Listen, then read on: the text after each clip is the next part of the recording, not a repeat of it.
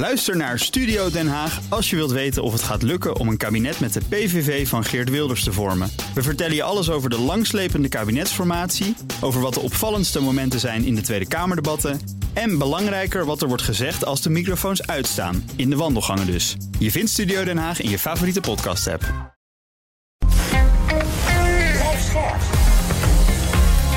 BNR Nieuwsradio. The Big Five. Paul van Liemt. Het is Oekraïne gelukt om verschillende gebieden te heroveren. En daarmee lijken de verhoudingen op het slagveld te kantelen. Hoe is het succes te verklaren en kunnen de Oekraïners het volhouden? Rusland is inmiddels begonnen met vergeldingsacties. Met aanvallen op Oekraïnse steden wil Rusland laten zien nog altijd over slagkrachten beschikken. In welke fase is de oorlog terechtgekomen? Dat vraag ik aan vijf kopstukken in BNS Big Five van de herovering van Oekraïne. Vandaag is Dick Berlijn bij me, generaal buitendienst, commandant de strijdkrachten van 2004 tot en met 2008. Chef Defensie, geloof moet ik officieel bijzeggen, uh, Dick Berlijn. En daarna zo, is het officieel. Zeker, welkom. Voordat ik wat je ga hebben over de Oekraïnse heroveringen... en voordat mensen denken, zegt hij je, ja, dat zegt hij, heb ik al heel vaak gesproken... wil ik eerst twee dingen van je weten. Allereerst, hoe lang kan Rusland die oorlog volhouden... als we aannemen dat Oekraïne genoeg steun blijft krijgen? Want dat is natuurlijk wel een belangrijke factor daarbij. Ik denk dat Rusland uh, het conflict heel lang kan volhouden. Uh, dat zal dan in verschillende fases zijn. Soms uh, heel kinetisch, als we dat noemen. Dat wil zeggen veel bommen en granaten. En dan zal het misschien weer in een fase ingaan waarop ze allerlei dingen frustreren, gaan, uitvoer, ik noem maar wat.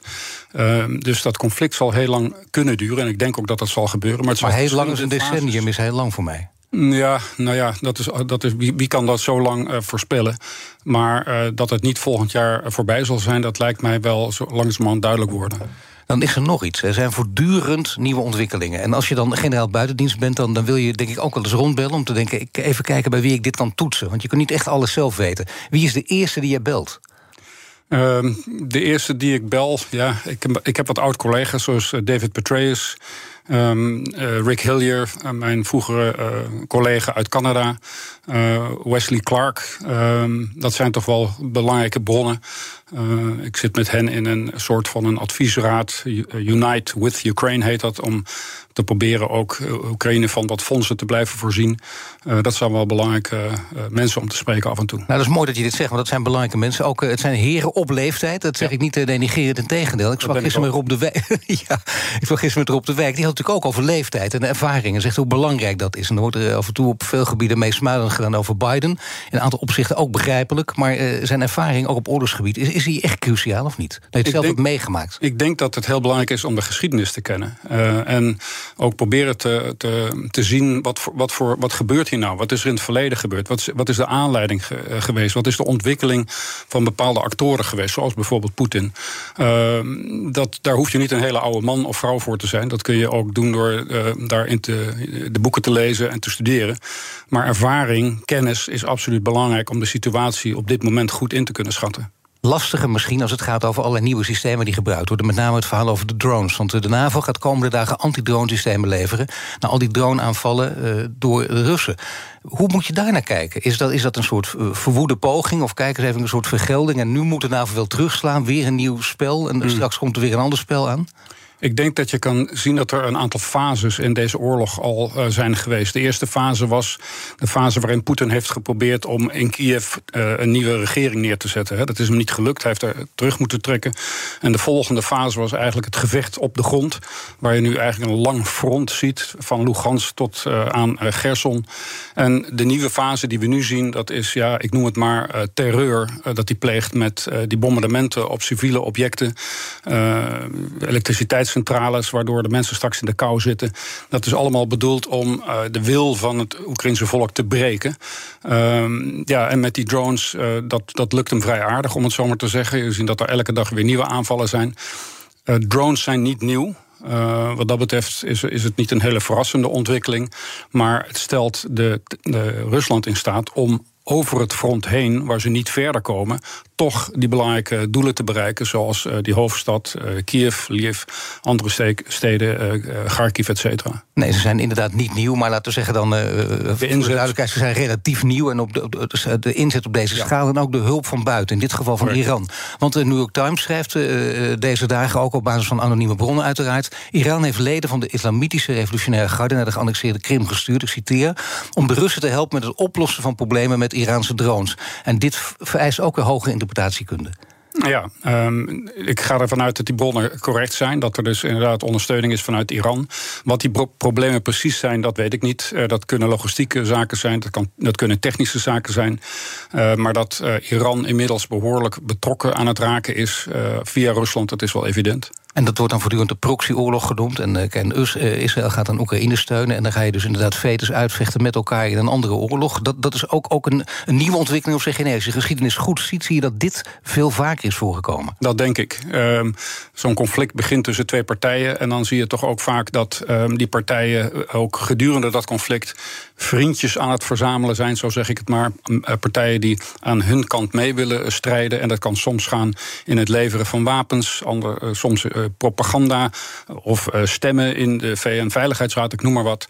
Uh, ja, dat, die, die, die proxyoorlog, het inzetten van andere middelen om jouw doelen te bereiken, dat is niet nieuw en dat kennen we uit het verleden ook. En de manier waarop dat gebeurt, waarop de Russen dat doen, moet je dat interpreteren als een, als een wanhoopsdaad? Hè? Dat je dus die kritieke infrastructuur en burgers uh, op het lijf jaagt? Of zit er ook nog een tactiek en een strategie achter die verder gaat dan alleen maar uh, ontwrichting? Nee, het is eigenlijk een beetje wat ik net bedoelde. In eerste instantie hebben ze geprobeerd die oorlog te voeren door het centrum van de macht in Oekraïne te breken, een andere regering neer te zetten. Dat lukte ze niet. De tweede fase was dus dat front, die, die, die frontenoorlog, zoals ik die maar noem. En uh, dat lukte ook niet. ja, en dan is er nu een ander strategie bedacht. laten we dan maar proberen om de bevolking in Oekraïne de wil daarvan te breken door grootschalig terreuraanvallen te plegen zoals dat nu gebeurt. Maar dat kan pas als je dat langdurig volhoudt. Als je echt, als je probeert, want je ziet hoe, hoe sterk Oekraïne zich opstelt en de bevolking ook, dan, dan kan dat niet met, met een paar van dit nee. soort klappen van twee of drie weken. Nee, en zoals we nu zien lijkt het ook een averechts effect te hebben. althans, het effect wat Poetin niet wil. Namelijk dat Oekraïne nog veel harder doorvecht. dat is nog niet het begin van, van een teken dat Oekraïne nou ineens eh, vreselijk onder de indruk is. Of besluit om het op te geven. Of besluit om concessies te doen. Dus uh, op, op, voor zover we het nu kunnen overzien, is het effect precies het omgekeerde wat Poetin wil bereiken. Oekraïne kan dat om verschillende redenen. Maar is een heel belangrijke reden ook toch de westerse steun, de westerse technologische steun ook? Cruciaal. Als die westerse steun er niet was geweest, dan had uh, Oekraïne al lang uh, het gevecht op moeten geven, denk ik. Uh, en dat ja, brengt ook de rol van Zelensky natuurlijk naar voren. Zelensky heeft een hele bijzondere rol gespeeld, speelt u nog steeds. Uh, enorm belangrijk in het moreel, het hooghouden van het moreel in Oekraïne. Uh, en hij realiseert daar successen mee. En die successen zijn ook belangrijk voor het Westen om die steun te blijven leveren. Stel dat we nu zouden zien dat het steeds slechter gaat in Oekraïne en dat er steeds meer terreinwinst voor de Russen is, dan zou je ook waarschijnlijk zien dat in het Westen een beetje het gevoel ontstaat: nou ja, ze gaan dit toch niet winnen, dus wat heeft het voor zin? Dus laten we maar stoppen. Het omgekeerde is nu het, het geval. We zien dat Oekraïne op de grond grote terreinwinst nog steeds boekt. En ik denk dat dat ook het Westen uh, stimuleert om door te gaan met de steun die ze nu geven. Over die rol van Zelensky wil ik straks nog even doorgaan... maar nog even iets over die, die westerse steun. Want als je zegt dat die cruciaal is... wat veel mensen natuurlijk ook denken, veel experts ook zeggen... dan kun je ook kijken naar wat China zegt... en met name uh, Xi zei in zijn speech over Taiwan. En als het, speel, als het veld zich gaat, gaat verplaatsen, die richting op... dan zou het kunnen dat bijvoorbeeld Amerika kiest voor... weet je wat, we gaan kiezen voor dit conflict en Europa... dat doen we even niet om allerlei redenen. En misschien ook omdat je de middelen niet eens meer hebt... en het geld niet meer tot je beschikking hebt. Is, is dat een extra dreiging die er nu bij komt, of niet? Nou ja, dat, dat grotere geopolitieke spel is wel heel belangrijk natuurlijk. En daar moet je ook oog voor houden. Om proberen te begrijpen uh, wat er nou precies gebeurt. Wat er mogelijk kan zijn. En stel nou dat dat uh, conflict uh, in China, stel dat uh, Xi Jinping zou besluiten om nu echt met militaire middelen Taiwan toch weer bij het moederland te brengen en dat daar een, ook een oorlog zou gaan ontstaan, zou dat zeker consequenties ook hebben op het conflict in Oekraïne. Dus dat moet je wel in die totaliteit blijven bezien. Het is ook logisch dat dat in een onderdeel kan uitmaken van de strategie van Poetin. Dat hij weet dat dit ook gebeurt. Dat, dat, het hem helemaal niet slecht uitkomt dat dat conflict rond Taiwan op zou gaan laaien. Ik denk voorlopig overigens niet dat Xi dat van plan is. Hij heeft meerdere keren aangegeven dat het hem eigenlijk te doen is om via andere middelen Taiwan te verleiden om maar weer terug te keren in de moederschoot. Dat is ook een beetje heel consistent met de lessen van Sun Tzu. Hè. Probeer een oorlog te winnen zonder een, oorlog, zonder een strijd aan te gaan. Met andere middelen dus. dus ik denk niet dat we dat snel zullen zien. Maar goed, wie de toekomst kan voorspellen moet het zeggen. Het gaat over afschrikking natuurlijk. En het gaat erom, is hij, daar ging het in het begin van de oorlog ook over. Is hij geschrokken door wat hier gebeurt? Of denkt hij van nou, ik zie mijn kans schoon. Dat, dat is als je tussen die twee moet kiezen. Ik denk dat China toch zijn eigen koers uh, vaart. Ehm, zijn eigen langetermijnstrategie heeft. En zeker zal kijken wat gebeurt er precies in Oekraïne. Stel dat uh, Poetin er volledig in slaagt om, om zijn doelen te bereiken, dan zal dat voor Xi een teken zijn van kijk eens, het Westen is niet in staat geweest om met sancties bijvoorbeeld toch uh, Poetin op de knieën te krijgen. Dat, dat zal hem sterken in zijn overtuiging dat hij in Taiwan misschien wel eens wat successen zou kunnen gaan boeken. Het omgekeerde, stel dat Poetin deze oorlog verliest, dat Poetin ook het veld zal ruimen, want dat zal de consequentie consequenties daarvan zijn, dan zal het ook voor hem een signaal zijn van nou, het Westen is toch veel sterker en ik moet er meer rekening mee houden. Dus die, die, die uh, samenhang die zie ik absoluut. The Big Five. Paul van Liemt. Mijn gast is Dick Berlijn, generaal buitendienst en voormalig commandant de strijdkrachten. Als we even kijken naar de Britse en Amerikaanse inlichtingendiensten, dat moeten we denk ik doen, omdat die vaak uh, groot voorspellende waarde hebben gehad en dat ook al hebben bewezen. Uh, een van de, van de mensen van de Britse inlichtingendiensten, Jeremy Fleming, uh, die zei recent dat de Russische munitie opraakt. Dus ook aan die kant raakt natuurlijk alles op, of veel op. Komt er een punt waarop Rusland echte munitie moet gaan ransoneren, of zelfs moet kiezen of, om, om bijvoorbeeld een deel van het land te verdedigen? Ja, ik denk dat dat nu al speelt. Uh, overigens over die Britse bronnen, die, die inlichtingendiensten van Amerika en, en Engeland of, of Verenigd Koninkrijk, die zijn erg goed. Die zijn ook zeer uitgebreid. Uh, dus dat zijn hele goede bronnen voor ons. En als deze man dat zegt, dan uh, ga ik daar ook vanuit dat dat klopt. Um, ik denk dat het nu al zo is dat Rusland, Poetin, al nadenkt welke middelen heb ik, welke middelen kan ik nog inzetten, wat wil ik absoluut achter de hand houden en wil ik nog niet inzetten. Dat zal zeker aan de orde zijn. In hoeverre dat nu concreet het gevecht gevecht bepaalt, de, de, de oorlog bepaalt in Oekraïne, dat vind ik heel moeilijk om te beoordelen. En hoe bepalend uh, zijn bijvoorbeeld de sabotage van Nord Stream uh, pijpleidingen... en inmiddels het teken van sabotages op het Duitse spoornet... andere pijpleidingen in Polen, we weten nooit precies wie waar achter zit... daar moeten we altijd maar even als disclaimer bij zeggen. Maar toch, hoe bepalend zijn dit soort ontwikkelingen? Ja, ik denk dat het vooral bepalend is um, als we kijken naar de, de, de eensgezindheid in Europa. Uh, willen wij schouder, of kunnen wij schouder aan schouder blijven staan als Europese Unie om Oekraïne te blijven steunen? Of gaan we ook door dit soort aanslagen die je net noemt, toch een beetje twijfelen, toch een beetje denken van ja, goh, het komt wel heel dichtbij. Misschien moeten we niet zo streng zijn voor Poetin. En dan, dan zou dat die, die eensgezindheid zou uh, gaan brokkelen. En dat is absoluut in het voordeel van Poetin. En dat zou absoluut niet moeten gebeuren. Ja, die Europese opstelling, dat vergt denk ik ook nog wat meer tijd. Daar moeten we misschien dadelijk ook nog wat langer over doorgaan. Maar eerst nog even over Poetin.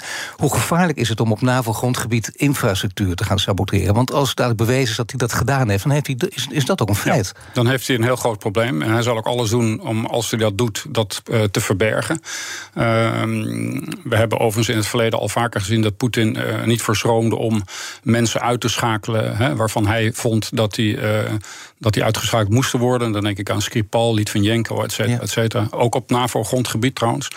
Maar dat was nog iets van een andere orde. Stel dat inderdaad aangetoond kan worden dat hij uh, onze samenleving aan het ontwrichten is. door bijvoorbeeld elektriciteitscentrales uit te schakelen. of door bijvoorbeeld cyberaanvallen te doen, grootschalig. Uh, waardoor kritische infrastructuur niet meer zou werken. Ja, dan heb je het echt al uh, richting een artikel 5 situatie. Dan heb je het echt al over een aanval op het NAVO. niet het grondgebied dan weliswaar, soms misschien wel. maar op de NAVO. Dus ik denk dat Poetin er alles voor aan zal doen om uh, dat ofwel niet te laten gebeuren... en als hij het al doet, om het vreselijk goed te verbergen. Maar, ja, maar dit is bijna niet meer te verbergen. Want als hier dadelijk echt bewijs van naar boven komen... is het dus, dan kun je dit interpreteren als een aanval op artikel 5. En dat betekent dus ook dat, dat je terug moet slaan. Dat de NAVO dan aangevallen wordt... en dat de NAVO dan als één man uh, aan... one for all, all for one... wat de reactie van de NAVO zou zijn, is een tweede. Dat betekent niet meteen dat je een totale oorlog hebt. Dat zou ook eens met andere proportionele eh, maatregelen kunnen gebeuren. Maar wat dat dan precies is, daar wil ik niet op vooruitlopen. Ja, maar dit is zo lastig. Want Poetin zal dit ook, eh, deze redenering volgen... en dit van tevoren ook bedacht hebben. Want hij weet ook dat de NAVO niet reageert. Hij heeft ook geluisterd naar wat bijvoorbeeld Macron zei... die, die eerder liet weten niet met kernwapens terug te slaan... als Rusland kernwapens inzet. Nou ja, de, de buitenlandschef van de EU, Borrell... die liet zich in soort gelijke termen uit... terwijl hij natuurlijk een andere positie bekleedt. Maar toch, dat zijn wel belangrijke signalen voor Poetin, lijkt me. Is, is dat niet, ik zou bijna zeggen, te soft? Dat betekent niet dat je meteen de haven moet uithangen... maar is dat niet te zacht? Ja, dat, dat, ik denk dat het nooit goed is om je tegenstander precies uh, op de hoogte te brengen van wat je wel en wat je niet doet. Dus in die zin zou je, zou je zeggen: nee, het is niet verstandig. Aan de andere kant, het is een heel fijn spel. Uh, misschien is dat niet het juiste woord, maar dat spel. Maar om uh, dingen te doen, toch te laten zien wat je wil gaan doen en niet te escaleren. Ik zeg het een beetje krom, maar uh, de NAVO, de EU, heeft ook andere middelen om terug te slaan. Je kunt ook uh, andere dingen doen zonder die nucleaire wapens in te zetten, uh, waarmee je Rusland kan treffen. En ik denk dat dat de eerste inzet zou zijn van de NAVO. maar goed, daarop vooruitlopen is vreselijk moeilijk. Dat hangt maar in ieder geval niet reageren zoals de president van Frankrijk dat doet. Dan ben je president van een groot land en dan maak je dit soort uitspraken. Dus ik vind het verbazingwekkend. je hebt natuurlijk hele goede adviseurs om je heen. Dan denk je, nou, je kunt alles zeggen, maar dat niet. Ja, hij heeft, nou, Macron heeft natuurlijk ook in het begin laten zien dat hij vooral inzet op een dialoog met Poetin. Waarvan iedereen zei dat heeft geen enkele zin. Nou, dat, dat is ook bewezen. Nou, dat zagen we aan die lange tafel ook. Ik bedoel, ja. dat is, eh, daar werden genoeg grappen over gemaakt. Niet voor niets ja. ook. Maar goed, ik denk dat er toch een beetje eh, Macron in zijn hoofd zit. Uh, laat ik toch proberen uh, zo lang mogelijk vriendelijk te blijven. Zo lang mogelijk aan te geven dat we met z'n allen uit willen komen. En ik denk dat hij zich daarin vergist. Poetin is niet onder de indruk van mensen die buigen, die met hem meegaan. Het enige waar Poetin op reageert, op de manier zoals wij dat zouden willen, is dat laten zien dat het ons heel erg menens is. En dat we, uh, dat we zeker terug zouden slaan als die een bepaalde grens overgaat. Ja, maar dat is het spel van afschrikking. En dan spel ja. inderdaad niet cynisch bedoeld. Maar dat zeggen we nu even voor het gemak om, om deze discussie te kunnen voeren. En hoe heeft zich dat ontwikkeld? Want wie is voortdurend is de een aan de winnende hand en dan de ander? Hoe, hoe kijk je er nu op? Wat is op dit moment de stand van zaken? Um, op dit moment is de stand van zaken een beetje zoals u die net beschreven. Het is toch een, een, een, een stalemate aan het worden, een, een, een padstelling. Uh, waarbij we moeten zien op welke manier Oekraïne nu gaat reageren op deze deze Als ik mag onderbreken, dus niet Rusland is verslagen. Want dat, dat, dat bijna die, in, in die juichende termen werd al een beetje gesproken.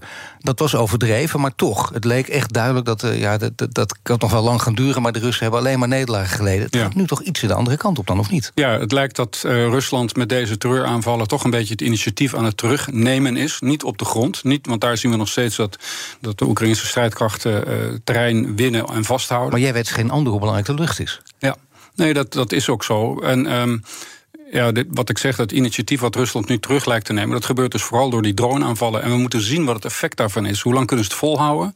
Hoe lang kan uh, Oekraïne de rug recht houden en dat hoge moreel laten zien? Dat is allemaal een beetje koffiedik kijken natuurlijk. We hopen dat ze dat kunnen. Ik denk ook dat het belangrijk is dat we, Westen, Oekraïne moeten blijven steunen... zolang zij laten zien dat ze de bereidheid hebben om voor hun land te knokken. Uh, en, niet uh, op moeten gaan geven of niet Zelensky moeten gaan overhalen... van doe dan maar wat concessies en dan komt het weer goed. Daar ben ik absoluut niet voor. Uh, maar hoe het af zal gaan lopen, Paul, ja, nogmaals, wie het weet mag het zeggen. Ja, maar je kunt wel zien welke kant het op gaat. Want je ja. zegt, de Russen nemen nu iets meer het initiatief over. En dat zie je ook uh, bijvoorbeeld door aanstelling van de nieuwe commandant van de Russen in Oekraïne, Sergej uh, Sorovikin. Die echt als een havik de boek staat. Iemand die zich niet bekommert om burgerslachtoffers met name. Is dat, is dat ook een, een belangrijke indicatie van welke kant Poetin op gaat? Ja, dat is een beetje wat ik net bedoelde te zeggen. Hij wint het dus niet over de grond, Poetin. En doet hij het via de lucht. Lange afstand uh, bombardementen op civiele objecten. Uh, ik ben er laatst op gewezen dat ik het niet moet hebben over civiele, civiele doelen. Want dat zijn het niet. Het zijn civiele nee, objecten. Is, ja, militaire doelen, civiele objecten. En op die manier probeert hij, wat we net, waar we het net over hadden... die wil van het Oekraïnse volk te breken. Ja, hoe maar ook dat... door zo iemand daar neer te zetten. Door deze ja, commandant dat, daar neer is duidelijk, Dat is duidelijk. Deze man heeft laten zien hoe hij dat heeft gedaan in Aleppo. Nou, dat is één grote uh, ruïne geworden. Uh, totaal uh, geen respect voor, voor ja, civiele objecten. Ziekenhuizen die zijn gebombardeerd. Scholen die zijn gebombardeerd. En dat lijkt hij nu ook te laten zien met deze campagne. En dat is uh, geen prettig vooruitzicht. En uh, met name niet uh, omdat de winter eraan komt. En het kan daar echt behoorlijk koud gaan worden. En dan kun je ook verschillende scenario's op loslaten. Maar wel belangrijk om te weten, is dat dan echt weer een... Want we zeggen steeds, het is een cruciale fase die ingaat. Ja. En ook als het tien jaar gaat duren, zul je dat kunnen blijven roepen. Maar nu is het wel degelijk cruciaal, denk ik. Ja, de hoop Scheffer zei het ook hier eerder bij ons in de uitzending. Nu zal blijken hoe groot ook de Europese solidariteit is tijdens deze periode. Dat niet alleen, maar wederom ook moeten we gaan zien hoe krachtig Oekraïne zich blijft verzetten. En tot nu toe, uh, ja, ze dwingen respect af. Hè. Zodra er iets gebombardeerd is of een groot gat in een, in een speelplaats... en is het de volgende dag is dat alweer gerepareerd. Het laat zien hoe ze in de wedstrijd zitten. Ze willen zich absoluut niet op dit moment uh, klein laten krijgen. Uh, maar dat is, dat is die, die andere factor, inderdaad, zoals je net zei... hoe hoe stevig blijven wij achter Oekraïne maar kunnen we van hieruit uh, kunnen we dat inschatten? In, in wiens voordeel een heel koude winter is? Het voordeel van Oekraïne of van Rusland? Nee, ik denk dat dat absoluut in het voordeel van Rusland is. Want dat zal heel veel pijn doen. Uh, stel dat inderdaad we niet in staat zijn om Oekraïne toch uh, met middelen te steunen, zodat ze een beetje die nood kunnen, dat ze die nood kunnen lenigen, dan zal dat in het voordeel van uh, Rusland zijn. Um, als het niet zo is, als blijkt dat toch die bombardementen niet het effect hebben wat ze willen, ja, dan is dit alleen nog maar een verdere moraal boost, een, een, een, een, verbetering van, van het moreel aan de kant van Oekraïne. Ja, dat is heel slecht nieuws. Dat betekent dat het Westen ook zich letterlijk zal moeten wapenen en, en zal moeten herbezinnen op wat er nu op korte termijn moet gaan gebeuren met Oekraïne? Want je weet dat dit er inderdaad waarschijnlijk aan. Ja, ik denk dat we nu als Westen er alles aan moeten doen om op wat voor manier dan ook eh, Oekraïne te steunen. Niet alleen in het voeren van de strijd, in, in zich verdedigen, maar ook te zorgen dat de burgerbevolking de middelen krijgt die ze nodig hebben om die winter door te komen. Maar zorgen dus elk land in Europa afzonderlijk ook dat het draagvlak is binnen het land ook. Want we hebben genoeg problemen aan ons hoofd en iedereen denkt, ja wacht even, ik heb ook problemen met inflatie, met kou, noem maar op. En alles hangt met elkaar samen. Maar waarom moeten we nog meer geld in defensie stoppen? Die vraag moet je eruit halen. Ja, ik denk dat het, het, toch wel duidelijk is zo langzamerhand dat we uh, uh, een minder. Uh, dat onze veiligheid, onze vrede wat meer broos is dan we hadden gehoopt. Dat we toch ook langjarig waarschijnlijk met een tegenstander te maken hebben, Rusland. Die andere waarden en normen hanteert dan wij. Anders tegen mensenrechten aankijken, anders tegen internationale rechtsorde aankijkt. En dat betekent dat je toch ook ja, niet naïef moet zijn. En dat je moet zorgen dat je eigen defensie in gezamenlijkheid, in NAVO-verband dat die uh, krachtig blijft. En dat het in de ogen van Rusland een hele stevige coalitie is. Want uh, ik denk dat het zo is dat conflicten die ontstaan niet als twee partijen elkaar als sterk zien. Conflicten ontstaan als een van die twee partijen de ander als zwak ziet. Dus we moeten er alles aan doen om te vermijden dat Poetin denkt: ik kan dit wel een gokje wagen. Want kijk eens hoe verdeeld het Westen niet is. Morgen is René Jones Bos gast. Is voormalig ambassadeur in Rusland. Abonneer je op onze podcast via je favoriete podcastkanaal... om geen aflevering te missen. Straks praat ik verder met Dick Berlijn over oneenigheid in het Kremlin. Blijf luisteren.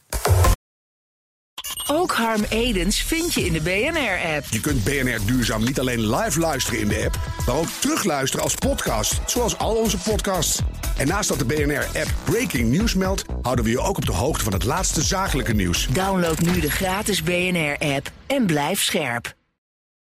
Blijf scherp. BNR Nieuwsradio. The Big Five.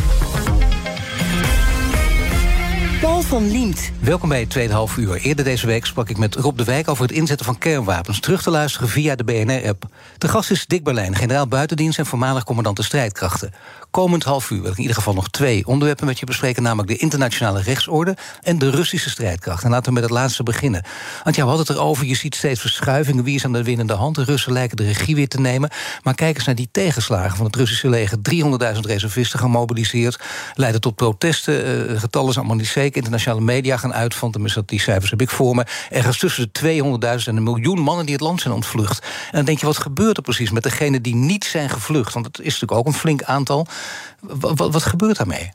Ja, wat ermee gebeurt, dat weet ik natuurlijk niet, Paul. Maar het, het laat wel zien hoe weinig steun uh, Poetin heeft voor deze oorlog. Um, met alle propaganda, met alle beperking van de vrije meningsuiting in Rusland, is het toch zo dat een groot deel van de Russische bevolking wel degelijk uh, kennis neemt van wat er aan de hand is. En laat zien dat ze het niet steunen. Dat is een grote zorg voor Poetin. Hij heeft al schoorvoetend die uh, gedeeltelijke mobilisatie afgekondigd, omdat hij echt wel begreep dat dat tot een heftige reactie zou leiden in de Russische bevolking. Uh, en dat laat ook een beetje zien waar hij dan echt bezorgd voor is. Hè. Dat, we komen straks misschien nog over te spreken. Maar ja, hij heeft laten zien dat hij een aantal dingen helemaal niet uh, interessant vindt. Maar dit vindt hij wel belangrijk. Nou ja, het interessante is wel dat je, dat je zegt... Ik, ik weet niet wat er met die mensen gebeurt. Dat kun je ook niet, je bent er niet bij. In die zin kun je het niet zeggen. Maar je kunt wel uh, misschien zeggen wat, wat de mensen die nu in de legerleiding zitten... daar wat die willen. Want die zullen ook zeggen, wacht even, we willen geen gezichtsverlies leiden. Bovendien hebben we deze mannen ook heel erg nodig. Mm, ja.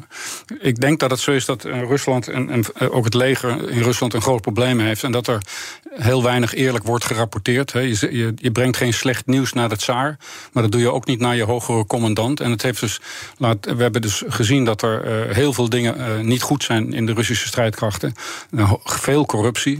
als er anderhalf miljoen uniformen moeten worden besteld, dan verdwijnt dat geld in de zakken van commandanten. En dan zijn die uniformen er niet op het moment dat ze het nodig hebben. Ehm, dus veel corruptie. Dat is, vooral de, dat is vooral de corruptie dus en niet, de cultuur van niet durven vertellen waar het eigenlijk op staat. Het slechte nieuws naar boven brengen.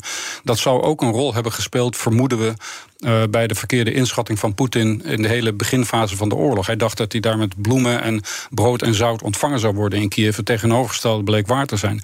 Dus er is van alles fout aan dat systeem. En dat uit zich in slechte commandovoering, corruptie, uh, slechte logistiek, uh, niet coherente aanvalsplannen, noem maar op. Dat werkt allemaal in het nadeel van Russische strijdkrachten. Dat, dat repareer je dus ook niet met het mobiliseren van 300.000 man.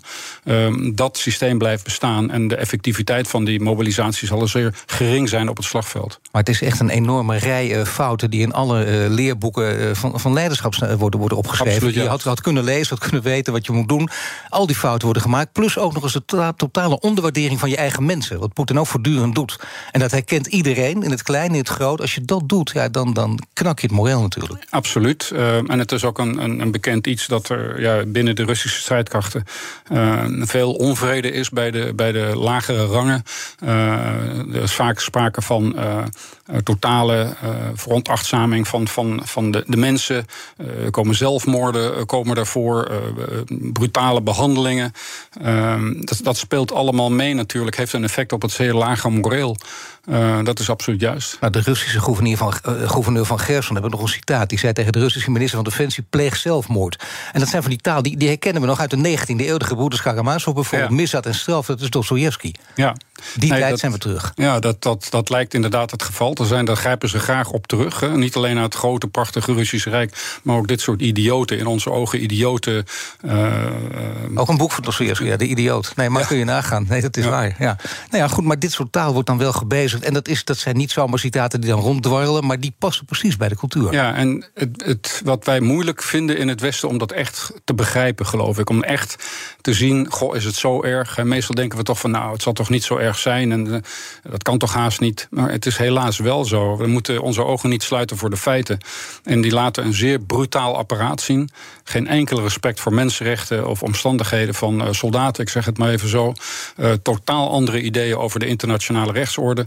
En ja, dat, dat staat aan onze oostgrens, borrelt dat door. En daar moeten we goed zicht op houden wat we daarmee doen. Dat is waar, maar aan de andere kant kun je dus ook zeggen... het goede nieuws zou zijn dat er enorme verdeeldheid is. En daar wordt er enorm op gespeculeerd, want er zou er een koepoging komen. En niet in Rusland. Dan in Rusland. En dat zou kunnen, omdat er enorme verdeeldheid onderling is daar in de top. En dat zou in, in ons, dus aanhalingstekens, voordeel zijn. Ja, je ziet dus nu wel uh, kritiek. Um, uh, Kadirov en uh, Prigozhin, de man achter Wagner, die hebben kritiek geuit op Gerasimov, de chef van de militaire staf, en op Stoigu, de, de minister van Defensie. Dat is opmerkelijk. Maar er is een andere lezing die zegt van kijk eens, ook die kritiek die je nu ziet, er gebeurt niets in Rusland zonder dat Poetin dat impliciet of expliciet goed vindt. en dat weerspreekt eigenlijk de mogelijkheid van een coup. Uh, Poetin die lijkt toch nog echt heel stevig in het zadel te zitten. Uh, ook met zijn geweldige propagandaapparaat, uh, zijn FSB die hij uh, in de hand heeft, zijn strijdkrachten. Dus dat daar snel een koep zou gebeuren, geloof ik niet zo. Ehm, ik geloof wel dat als die onvrede in de Russische bevolking stevig doorzet. Dat je nog meer protesten op straat zou zien. Wat heel moeilijk is in, in met dit regime natuurlijk.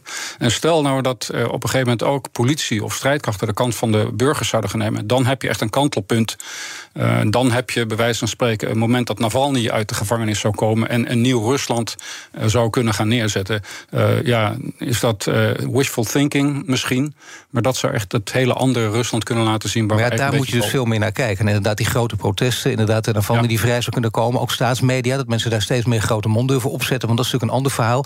Maar die wisselingen van de wacht allemaal, dat heeft weer onder controle. Want als je ziet hoeveel wisselingen van de wacht er tot nu toe geweest zijn... Dat, ja. dat is niet iets wat hem onzeker maakt. Ja, en wat je ook nog niet ziet, is openlijke kritiek op Poetin. Ze hebben wel kritiek op een ondercommandant... of er is een, een, een theatercommandant die niet goed werk heeft gedaan... of het is de minister van Defensie die slecht heeft gewerkt. Of, maar nooit Poetin zelf. En op het moment dat je dat gaat zien, dan zou je inderdaad aan uh, nou ja, koepachtige scenario's kunnen gaan denken. Maar tot nu toe zien we dat niet. Heeft Poetin aan alles gedacht? Dat wil zeggen dat hij ook uh, van iemand bijvoorbeeld in het slechtste geval voor hem immuniteit krijgt. Zoals hij dat ooit zelf in het verleden aan Boris ja, Yeltsin heeft gegeven. Yeltsin heeft gedaan. Ja. Uh, misschien hoopt hij dat. Uh, ik zie daar het begin nog niet van. Maar Poetin heeft inderdaad de stad Yeltsin uit de wind gehouden. Dat is ook de reden uh, waarom hij door Yeltsin toen in die positie van president is, als zijn opvolger is geworden. Poetin heeft natuurlijk jarenlang aan dit systeem al gewerkt. hij heeft zich populair gemaakt bij de strijdkrachten in de strijd tegen Tsjetsjenië. hij heeft een aantal heeft de strijdkrachten heeft hij voor zich gewonnen. hij heeft op een gegeven moment de emotie van het grote Rusland moet terug. Het grote rijk, Groot-Rusland, Wit-Rusland en Klein-Rusland. dat moet weer allemaal één groot rijk worden. Uh, en dat betekent dus ook dat hij ten aanzien van Oekraïne een hele andere uh, uh, plan had dan we hebben gedacht. Het ging en hij kan er voortdurend maar... aan refereren ook natuurlijk. Ja. Het ging niet alleen maar over Lugansk en over Donetsk. Het ging hem over heel, heel Oekraïne. Ja. Uh, en dat, ja, dat, dat zien we nog steeds. dat is niet veranderd, geloof ik. Nu is een heel belangrijk punt, en echt een belangrijk punt... wat, wat een beetje ondergesneeuwd raakt, is namelijk de positie van Zelensky. In het begin de, de clown, het verhaal kennen we inmiddels. Eh, daarna de held, eh, de man die in ieder geval eh, zorgt... dat, dat Oekraïne steeds sterker wordt, dat het Westen ook zich achter hem blijft scharen. Dus een heel belangrijke target voor de Russen. Je zag het ook bijvoorbeeld in Irak, je zag het in meerdere conflicten. Dan werd er ook jacht gemaakt op Saddam Hussein. Het was belangrijk gewoon, kijk, die scalp moeten we hebben... om het maar even in die taal te zeggen. Waarom gebeurt dit niet? Kunnen de Russen dit niet?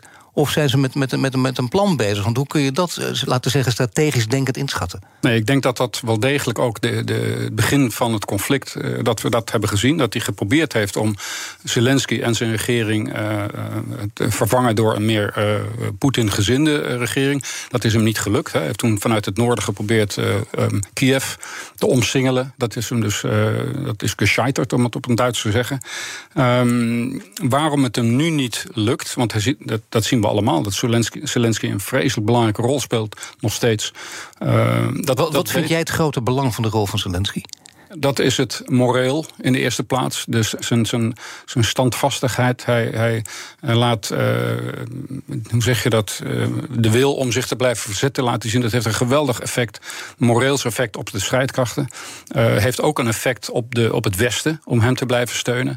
En als dat allemaal weg zou vallen, ja, dan is dus die strijdkrachten worden minder effectief. De steun aan, vanuit het Westen zal, zal eroderen. En dat, ja, dat laat zien hoe belangrijk zijn plek is. Maar dat ze hem niet weten te vinden. Ik bedoel, je hebt in het begin van de uitzending gezegd... Eh, er zijn belangrijke eh, collega's in het buitenland waar je mee praat. Ook hoe schatten, eh, mag ik dan zeggen, jullie dat in? Dat het, dat het ze niet lukt, dat het niet kan? Ja, het eerlijke antwoord is dat ik die vraag nooit zo expliciet heb gesteld. Het is iets wat we allemaal wel voelen, weten. Dat stel dat Poetin dat, daarin zou slagen, wat het effect daarvan zou zijn. Ik weet het gewoon niet, Paul. Dat is het eerlijke antwoord. Kan die het niet? weet hij niet precies waar hij zit? Dat, dat laatste is zeker het geval. Want Zelensky is niet zo gek dat hij altijd op één plek blijft zitten natuurlijk. Uh, ik weet het gewoon niet. Maar het zou juist toch voor het moreel van de Russen ook zijn... als even vanuit Poetin denken, het heel goed om juist te roepen... kijk eens, hier zijn we mee bezig. En Absoluut. Dat gaat niet zomaar en hij, het, het, zal op een onverwacht moment komen... dan maak je nog niks, maar dat, dat soort teksten hoor je niet. Dat is heel gek eigenlijk. Nee, maar goed, ik denk dat als het gebeurt... dat hij dat natuurlijk ook niet uh, van tevoren aankondigt. Nou, dat zeg ik. Als je dus zegt op een onverwacht moment... maar dat je wel duidelijk maakt, we zijn hier wel mee bezig. Niet denken dat we niks doen. Nou ja, dat, we dit, dat, we dit, niet belangrijk vinden. Ja, ik denk dat hij het nog steeds uh, heel belangrijk vindt dat Zelensky daar weggaat. En dat hij er alles aan zal doen om dat te proberen. Maar met welke middelen dat hij dat kan doen, wil doen, dat weet ik niet. En hij wil het dus ook niet naar buiten brengen. Hij gaat het niet voortdurend... Op dit moment niet. Hij, als je er niet in slaagt om het te doen... dan heb je je eigen eh, verlies uh, gerealiseerd. Hè. Als hij zegt, ik ga Zelensky vervangen... en het lukt hem niet, dan is dat zwak. Dan, ja, dan moet hij er voortdurend bij zeggen... dat doe ik een onverwacht moment, maar dan gaat het wel heel lang duren. Dat geloof je niet meer. Ook Liesbeth Staats vind je in de BNR-app. Ja, heel handig. Luister live naar Kees en mij tijdens de Daily Move. Dan blijf je ook gelijk op de hoogte van breaking news en het laatste zakelijke nieuws. En daar vind je ook alle BNR-podcasts, waaronder de Perestrooikast. Download nu de gratis BNR-app en blijf scherp. BNR Nieuwsradio. The Big Five. Paul van Liemt. Je luistert naar BNS Big Five van de herovering van Oekraïne. Later deze week praat ik nog met Robert Serrie. Hij was de eerste Nederlandse ambassadeur in Kiev. Mijn gast is Dick Berlijn, generaal buitendienst... voormalig commandant der strijdkrachten. Poetin die heeft in Europa en in NAVO-verband uh, behoorlijk wat ontketend. Verhoogde defensiebudgetten, vergaande samenwerking... versnelde toetreding van lidstaten tot de NAVO. Maar al die samenwerking staat in contrast met wat er economisch en politiek gezien in Europa gebeurt. Met verschillen tussen Zuid- en Noord-Europa. Verschillen tussen populistische regeringsleiders, Europese regelgeving, noem maar op. Hoe verenigd is Europa op dit moment? Want er zijn natuurlijk verschillende terreinen: militair, politiek, economisch. Hoe ziet het eruit? Ja, um, ik denk dat we in ieder geval ons uiterste best doen om uh, te laten zien dat we verenigd zijn. En dat zie je af en toe ook als er uh, samenkomsten zijn van ministers van Defensie in Brussel. Uh, en wat dan ook na afloop een stevig communiqué geeft van kijk eens, we zijn eensgezind. Maar de praktijk helaas is, als je naar de dagdagelijkse gang van zaken kijkt, de uitingen van bepaalde landen in het oosten van, van de EU, Polen, Hongarije, Hongarije meer, en, en andere landen zoals Italië, die uh, ja, met hun staatsschuld een hele andere uh, weg lijken te, te, gaan dan, dan wij bijvoorbeeld. Dus enorm veel verdeeldheid. En dat zijn grote uitdagingen om dat toch uh, voor elkaar te blijven. Maar al die landen met hun eigen belangen weten ondertussen ook wat de boodschap is: kijk uit, je wordt uitgespeeld. Dat wil je ook niet. En ja. dat, dat, dat, je wil ook niet dat je gewoon ja. in ieder geval letterlijk laat uitspelen door de Russen. Dus zeg je, is dit het moment om toch naar Verenigd Europa toe te gaan? Dat weet ik niet. Ik geloof wel dat er een, een, een hele zware taak ligt voor politieke leiders om aan ons, het volk, uit te blijven leggen wat de grotere belangen zijn hier. En dat we inderdaad die. Uh, we willen het hier goed hebben, maar soms lukt het niet helemaal, omdat er een hoger belang is en dat we bepaalde dingen met elkaar moeten delen. Uh, dat, dat ligt bij de politiek, vind ik, die verantwoordelijkheid. En ik zou daar best wel wat meer van willen zien. Dat politieke leiders van links tot rechts uitleggen van luister ja, de gasprijs is hier belangrijk, maar vrede in Europa, vrede in de wereld is ook belangrijk. En daarvoor moet je bepaalde dingen doen.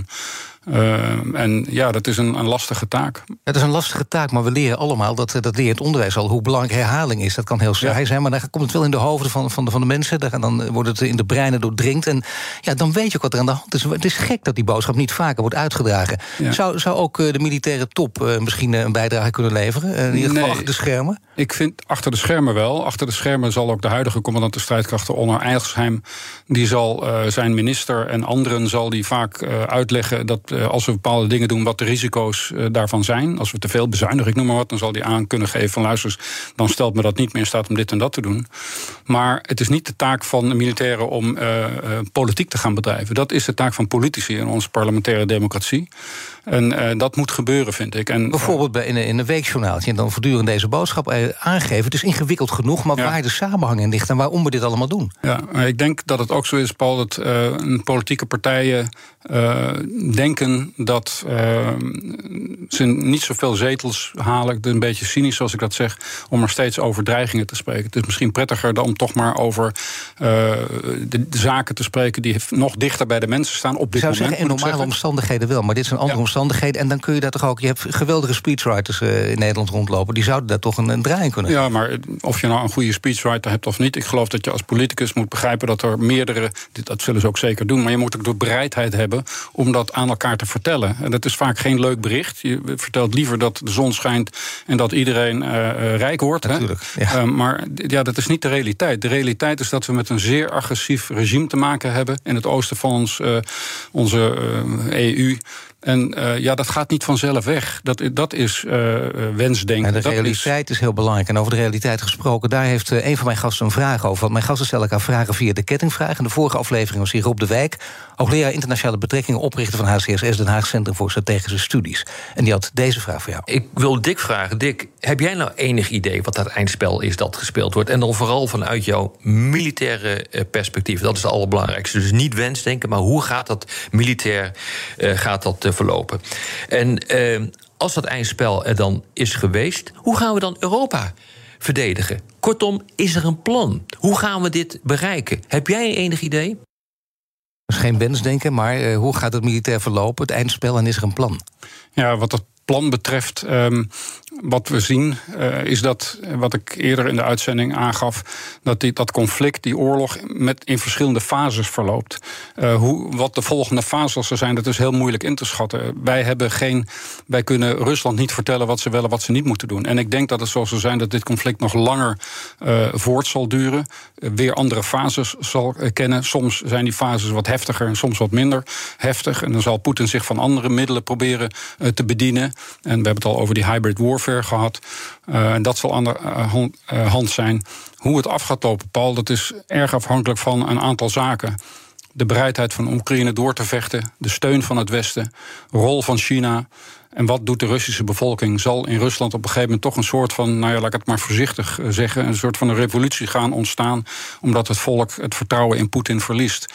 Ehm, het militaire eindspel, uh, wat Rob vraagt, ik, ik, ik durf dat niet te zeggen. Ehm, ik kan alleen maar uh, bedenken dat zolang de Oekraïners laten zien dat ze bereid zijn voor hun land te strijden, en zolang we ook zien dat Rusland de verschrikkingen door uit blijft voeren zoals ze dat nu doen dat het aan ons is om, Rus, om, om Oekraïne in staat te, te, te, stellen om zichzelf te verdedigen.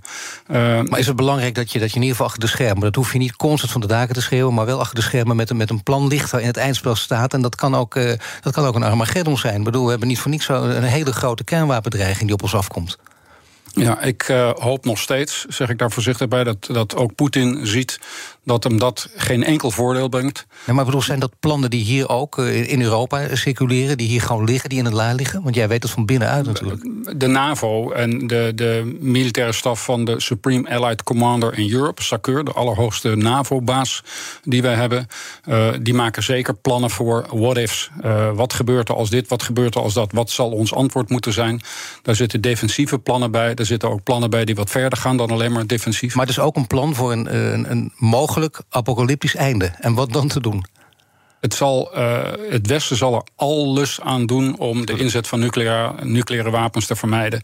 Uh, dat is altijd het beleid van NAVO geweest. Uh, het zal erg uh, afhankelijk zijn wat Rusland doet. besluit Rusland om toch tactische kernwapens in te zetten. Wat zal, wat zal dan het antwoord van NAVO zijn? Dat zal niet meteen ook nucleair zijn. NAVO zal er alles aan doen om die drempel niet over te gaan. en er zijn nog heel veel andere middelen om dan Rusland ook onder druk te zetten. Dus ik vind dat we daar ook niet te zeer op moeten vooruitlopen. En onszelf niet uh, in de put moeten praten van kijk eens, als, als we een nieuwe fase ingaan en NAVO wordt betrokken, dan is het einde van de wereld aan de gang. Dat geloof ik niet. Mijn gasten stellen elkaar vragen via de kettingvragen. Je mag een korte, bondige vraag stellen aan de volgende gast. Het is René Jones-Bos, voormalig ambassadeur in Moskou. Wat zou je haar willen vragen? Als voormalig ambassadeur in Moskou kent zij natuurlijk Rusland als geen ander.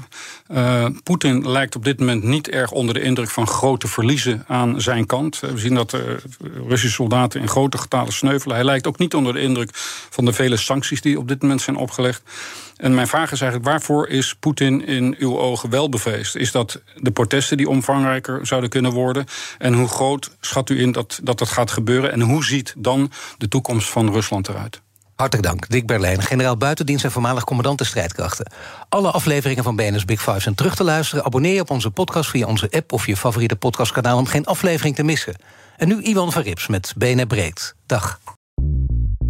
Bij BNR ben je altijd als eerste op de hoogte van het laatste nieuws. Luister dagelijks live via internet. Bas van Werven. En heel langzaam komt de zon op rond dit tijdstip. Je krijgt inzicht in de dag die komt op BNR, het Binnenhof in Nederland en de rest van de wereld. De Ochtendspits. Voor de beste start van je werkdag. Blijf scherp en mis niets.